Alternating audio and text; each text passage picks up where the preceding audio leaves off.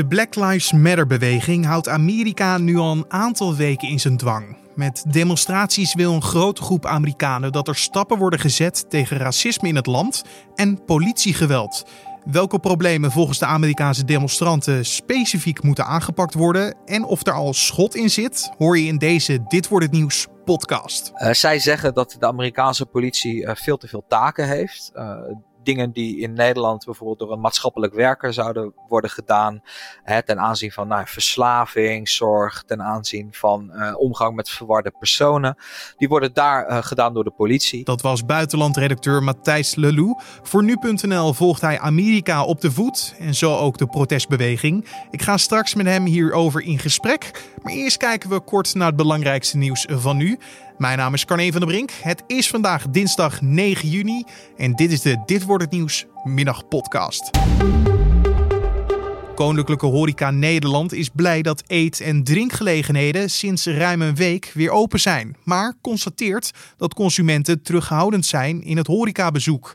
De belangenorganisatie schat dat ongeveer driekwart van de horecaondernemingen vorige week de deuren heeft geopend.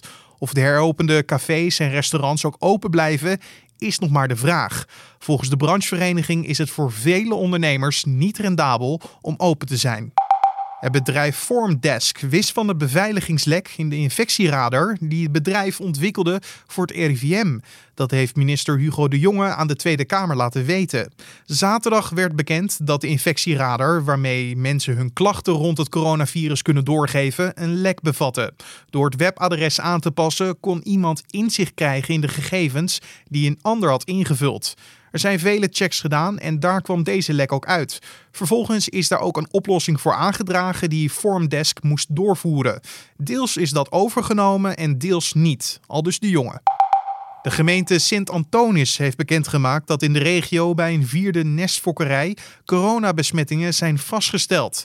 Later deze week wordt het bedrijf geruimd. Eerder werden al bij zes andere bedrijven met in totaal acht vestigingen besmettingen geconstateerd. In het kader van de volksgezondheid worden de bedrijven geruimd, want gezondheidsexperts stellen dat de nestfokkerijen een blijvende besmettingsbron kunnen worden en daarmee een risico zijn. Tot dusver zijn twee gevallen bekend waarbij het coronavirus van nerts op mens werd overgedragen. En het RIVM heeft vandaag gemeld dat het aantal overleden coronapatiënten in Nederland met 15 is gestegen. Ook meldt het instituut zes nieuwe ziekenhuisopnames. Het aantal nieuwe sterfgevallen is groter dan precies een week geleden, toen het RIVM vijf nieuwe sterfgevallen meldde. Het aantal nieuwe ziekenhuisopnames is gelijk aan dat van vorige week. Op dinsdagen zijn de aantallen wel vaak groter vanwege een tragere informatiestroom naar het RIVM door het weekend. Al een aantal weken is de Verenigde Staten in de ban van de Black Lives Matter demonstraties. De discussie over racisme in het land en politiegeweld werd aangewakkerd door de dood van George Floyd. De ongewapende zwarte Floyd overleed nadat een agent zijn knie minutenlang in zijn nek had geduwd toen hij de man arresteerde. Vandaag zal in Houston in besloten kring de uitvaart gehouden worden. De antiracisme demonstraties gingen in het begin soms gepaard met geweldsincidenten en plunderingen. Hoe is dat nu? Daarover ging ik in gesprek met buitenlandredacteur Matthijs Lelou. In de eerste weken van de protesten hebben we uh, natuurlijk gezien dat er hier en daar uh, sprake was van rellen. Uh, dat er werd geplunderd. er vielen gewonden, er vielen doden. Dus het, het, het ging er heel heftig aan toe. Uh, dat was een beeld wat enigszins vertekenend werkte, omdat het overgrote merendeel van de demonstranten uh, vreedzaam was. En in de afgelopen week uh, hebben we gezien dat de, de, de die, die angel, die plunderingsangel er een beetje uh, uit lijkt. En uh, dat die vreedzame demonstranten duidelijk de, overgang, de overhand hebben gekregen. Dus er gaan nog steeds uh, duizenden en duizenden mensen de straat op, zowel in de Verenigde Staten als internationaal. Maar de, de toon die is wel veranderd. Ja, en daarbij zeg jij dus al, eerder spraken we al over incidenten, dus geen trend. En dat is nu eigenlijk nog minder geworden. Ja, het Witte Huis, die uh, zijn de afgelopen weken, uh, schilderde die, die de protestgolf echt af als een, uh, ja, als een soort van burgeropstand. Hè, met uh, heel veel schade voor de samenleving. Um, elementen daarvan waren natuurlijk waar, hè, want je kunt niet ontkennen dat er winkels in de brand gingen, dat er onschuldige mensen gewond zijn geraakt. Maar zoals ik al zei, het, het, grootste um, het grootste deel, het overgrote deel van de demonstranten uh, was gewoon vreedzaam. En uh, nu is dat ook de toon die de overhand voert. Maar als we het hebben over de bewustwording van dit probleem, hoe kijken de Amerikanen momenteel uh, naar de problemen die weer worden aangekaart van racisme en geweld, politiegeweld? En met weer bedoel ik natuurlijk dat dit een probleem is wat al decennia speelt. Zeker, ja, dit gaat uh, heel erg ver terug. Um, er zijn ongelijkheden in, in heel veel uh, overheidssystemen in de VS, waaronder het, het strafrechtssysteem, waar nu dan de nadruk op ligt. Uh, dat is ook niet zo gek, want die systemen die werden opgetuigd eind 19e, begin 20e eeuw in de meeste gevallen. Ja, dat was een tijd waarin rassendeling in de VS nog, nog levend was, waarin het nog bij wet verankerd was, bijvoorbeeld in het zuiden in de Jim Crow-wetten. Um, en de demonstranten zeggen nu ook, uh, er is natuurlijk in de jaren 50 met de, burgerrechtenbeweging, uh, jaren 50, jaren 60, wel het een en ander uh, ten goede veranderd. Maar heel veel van die fundamentele ongelijkheden, die zijn er nog gewoon. En de initiatieven die in de afgelopen decennia zijn genomen om die weg te nemen, zeggen de demonstranten, die hebben niet gewerkt. Uh, nu lijkt er, uh, hè, na de dood van uh, George Floyd die ontzettend schokkende beelden daarvan, die nou, zo, zulke woede teweeg brachten, dat, dat al die frustratie van de afgelopen tientallen jaren weer naar boven is gekomen, die lijken nu ook wel concreter te worden opgepakt. Peilingen die laten bijvoorbeeld zien dat een merendeel van de Amerikanen zegt dat er inderdaad sprake is van systematisch racisme en uh, dat er hervormingen nodig zijn. De demonstranten hebben altijd over een algemeen doel gesproken: het aankaarten van racisme en het politiegeweld. Um, deze boodschap is ook overgenomen door de hele wereld. Zoals in Nederland zijn er ook uh, demonstraties. Maar hebben ze ook al voor oplossingen gepleit? Ja, de demonstranten die zichzelf uh, met klem associëren met de Black Lives Matter beweging, die zeggen vooral die de police. Oftewel, zorg dat uh, er wordt gesnoeid in de politiebudgetten. En besteed dat geld vervolgens aan uh, nou ja, sociale problemen, zoals huisvesting, gezondheidszorg. Uh, zij zeggen dat de Amerikaanse politie veel te veel taken heeft dingen die in Nederland bijvoorbeeld door een maatschappelijk werker zouden worden gedaan. Hè, ten aanzien van nou, verslaving, zorg, ten aanzien van omgang met verwarde personen. Die worden daar gedaan door de politie.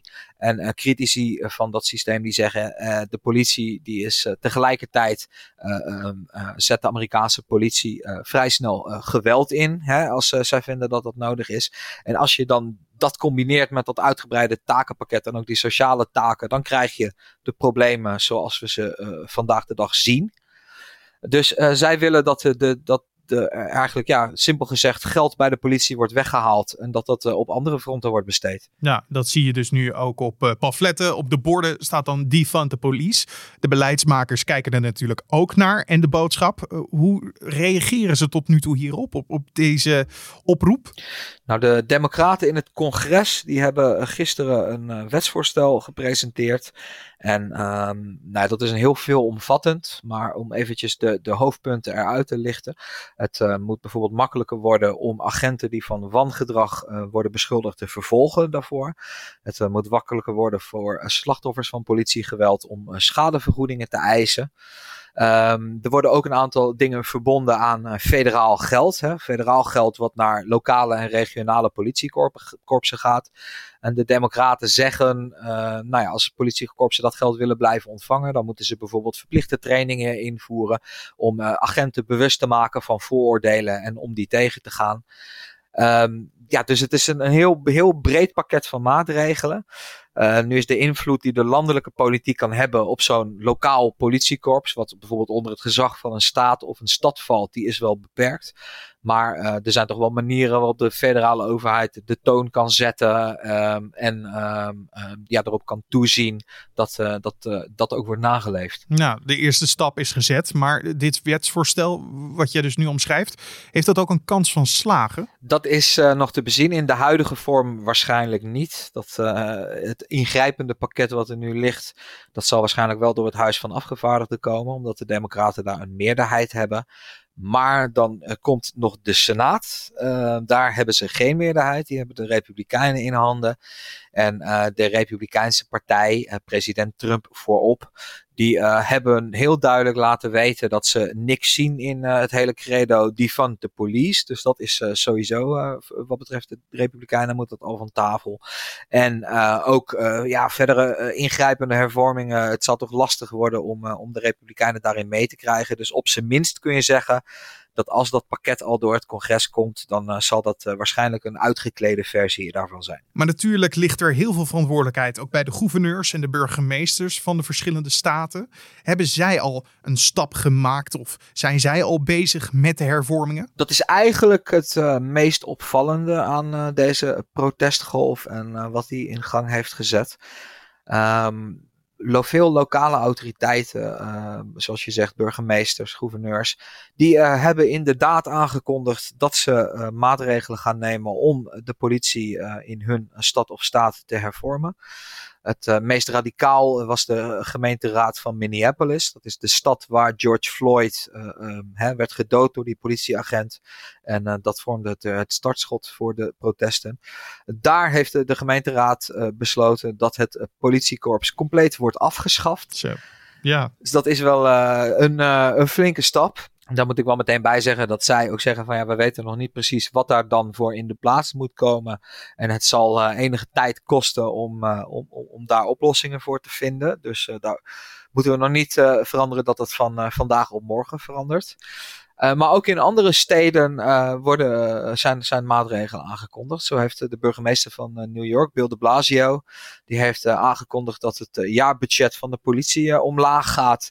En dat dat geld zal worden uitgegeven bijvoorbeeld aan de kansarme jeugd in de stad. Bill de Blasio die heeft nog niet gezegd hoeveel geld er dan van het jaarlijkse budget van uh, 6 miljard dollar afgaat. Um, dat in de burgemeester van Los Angeles, die heeft dat wel gedaan. Daar gaat uh, jaarlijks 2 miljard dollar naar de politie. En uh, burgemeester Eric Garnett die heeft gezegd dat uh, daar 150 miljoen euro afgaat. En dat dat onder meer zal worden uitgegeven aan huisvesting en gezondheidszorg.